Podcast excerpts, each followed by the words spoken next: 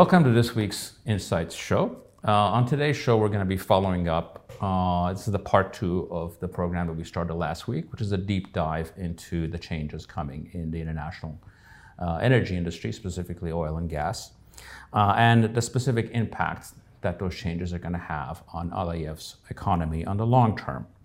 Uh, we start off with a Yale University study from 2019, in which it described 2019 as being the year of peak oil.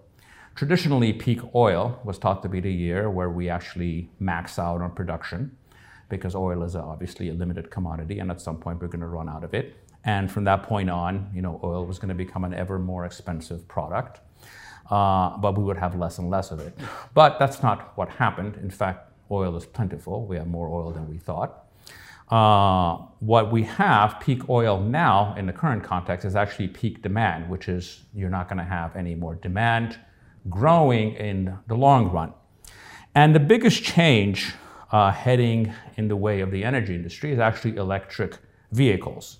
And the reason for that is internationally, depending on the country, somewhere between 50 to 70% of all oil use is uh, used for transportation, personal transportation, and trucking by the industry, whether it's trucking and other things, to carry goods around the country or around the world. From a policy perspective, uh, the freight train heading in the direction of the oil industry is called the three Ds. The first one is decarbonization, which is the lessening, you know, moving to electric vehicles to, for most countries to be able to hit their Paris climate goals. The second is deflation, which is the deflation of demand. You know, as that happens, demand decreases. Uh, and finally, this new concept that's been developed after COVID is detoxification, when people saw the advantages and how the health advantages of how uh, clean air, uh, how much cleaner the air is once you have less traffic, uh, which is accelerating this process around the world to get carbon generating cars out of big cities.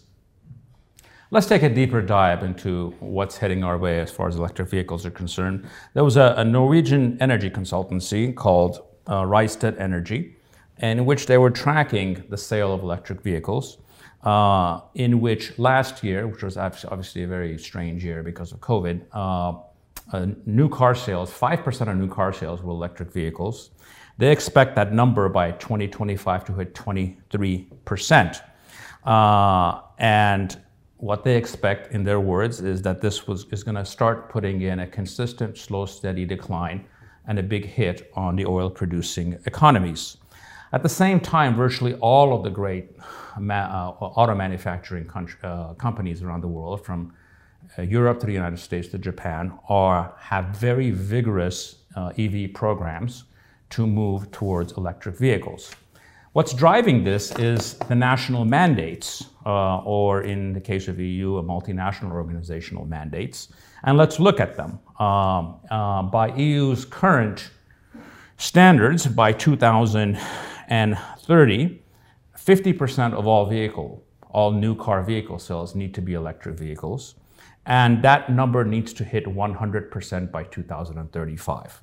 In the United States, that number is 50% by 2030, very much like the EU, and 100% by 2035. Even though I think because uh, of all the catastrophic weather events that we're having, especially in democratic countries, whether it's the flooding in Europe and the giant fires in the United States, I think the political pressure to accelerate these numbers might grow over time.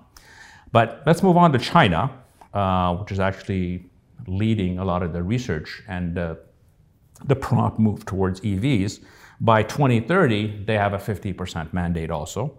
Uh, and in Japan, um, all cars have to be electric by 2035, and they're in fact ahead of the curve. Last year, 40% of our new car sales in Japan were uh, EVs.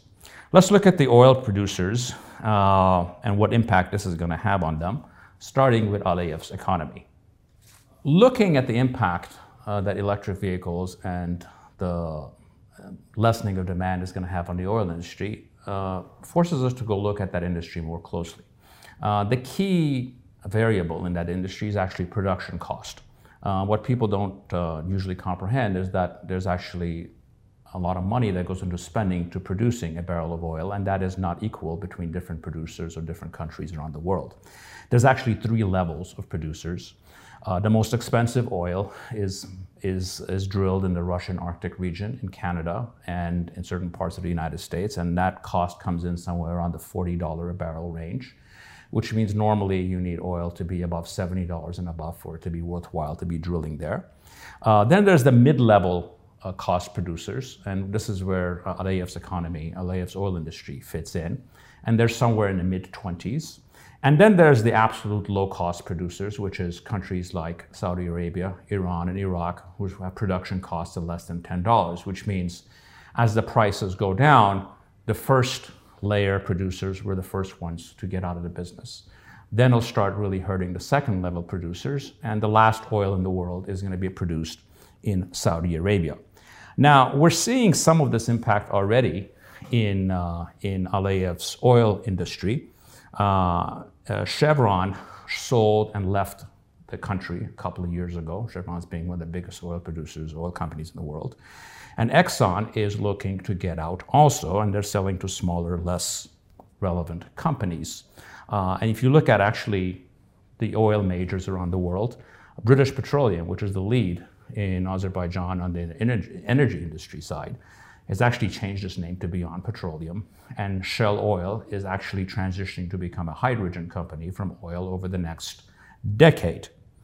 Uh, one thing that this is going to do, there's a political impact for all this, and not just an economic one. And that is, uh, as the use of oil decreases in the primary economies of the world, whether it's China, United States, uh, Japan, uh, and that's more than half of the world's economy, uh, oil becomes the commodity of the poor. And what do we know about the political impact of that? Is whatever matters to Germany, the United States, and China matters to the world. Uh, once oil becomes the commodity of, uh, it's important to Cameroon and Bangladesh uh, and Haiti, it becomes far less relevant politically, and, poor, poor, and oil producers become far less politically relevant. Now let's look at the natural gas market because uh, Aliyev's big hope is as oil is decreasing in his country and it becomes politically less relevant and economically less relevant, the natural gas is going to fit, uh, is going to fit, uh, is going to fill that gap. Uh, and this is actually the hope of many uh, energy producers around the world. And there's some logic with that because natural gas is actually the transition gas that's going to allow us to leave carbon eventually. However, uh, there are technological problems that are heading the way of that industry. Uh, last year already, uh, the best renewable prices matched natural gas prices. And the one thing that we've seen over the years is that the efficiency of uh, renewable energies is growing exponentially. So if in today's uh, energy markets, renewables, the best renewables match natural gas prices. It means that in five years, almost all renewables will match natural gas prices and, and do better than that. And we're already seeing the impact of this in the United States. Last year, 75% of all new energy projects that came online were renewable, and 85% of all uh, plant energy plant closings were of gas ones. And this is a pattern that's going to continue in other major economies of the world over time uh, as the best renewables start crushing natural gas prices. We're going to transition uh, from here to talk about, to start talking about what real wealth actually means in the 21st century. And I want to use some analogies. I'm going to start with Aramco. Aramco is the Saudi uh, oil company. Uh, this was described uh, many years ago in a national security memo of the United States as the greatest prize in history, the greatest strategic prize in history. Uh, that greatest strategic prize in history today is valued at $1.9 trillion, which is the valuation of Aramco. Uh, to put things in perspective, one tech company, which is Apple, comes in at a valuation of $2.1 trillion. So you have one technology company that right now in the, mar- in the market of the 21st century is valued more than what was considered to be the greatest strategic asset in the world 50, 60 years ago.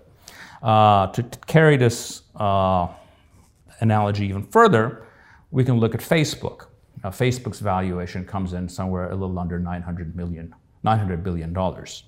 So here you have a silly app in which people use to put uh, what they ate that day or pictures of their dog.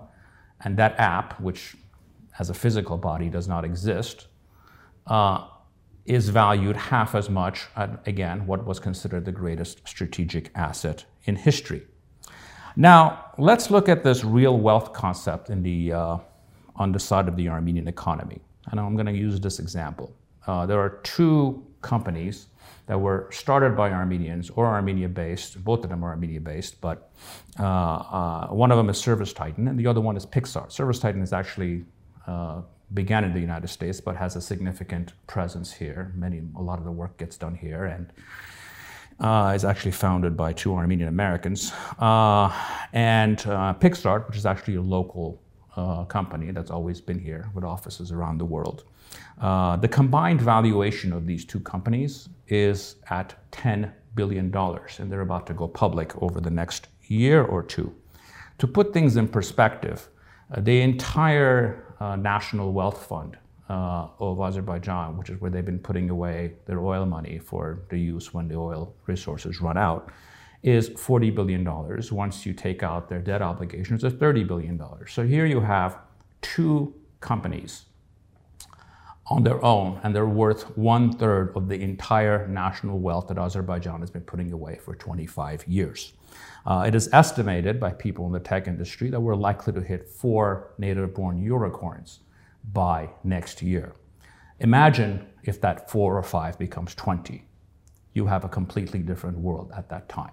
In close, the purpose of these two programs is to sort of give us a broad outline and an understanding of the changes that are heading our way and what impact they're going to have on us.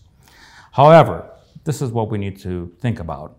Uh, whatever happens to our neighboring countries uh, means very little as long as we, on our own, don't create a competent economy, a state, and military. Uh, our focus should not be on the failures of others. That is their issue we need to look at our failures. We need to look at where we can do better and to build a competent economy that has economic growth and creates opportunities for all of our citizens.